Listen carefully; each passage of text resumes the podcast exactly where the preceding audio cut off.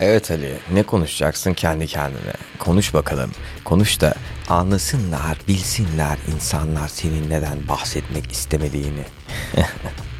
İstemediğin şeylerin üzerine git, git, itele kendini, itele itele yap e, sonra istemediğin şeyleri ki e, başarılı olasın demiş birileri ama korkuyorum sanırım e, bazı şeylerden. Yani insanın tabii ki de korkması da gayet normal aslında. E, çünkü yüzleşmek de aslında yani hem kendinle ya da işte yaşadığın bir şeyle e, ya da alman gereken bir sorumlulukla e, zor. Zor. Hani bu kimseye bir mesaj değil.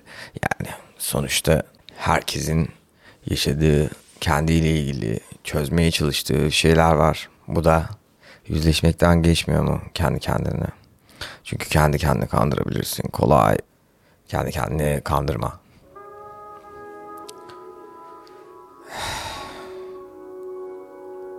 Öyle olmuyor. Öyle olmuyor, böyle olmuyor, şöyle hiç olmuyor falan. Hani ne yapacaksın?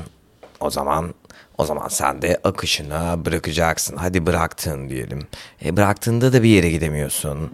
E, yani akışı belki de belli bir e, belli bir kafanın içinde olmalı. Yani belli bir düşünüş şeklinin içinde e, olmalı ki e, verimli bir akış olsun.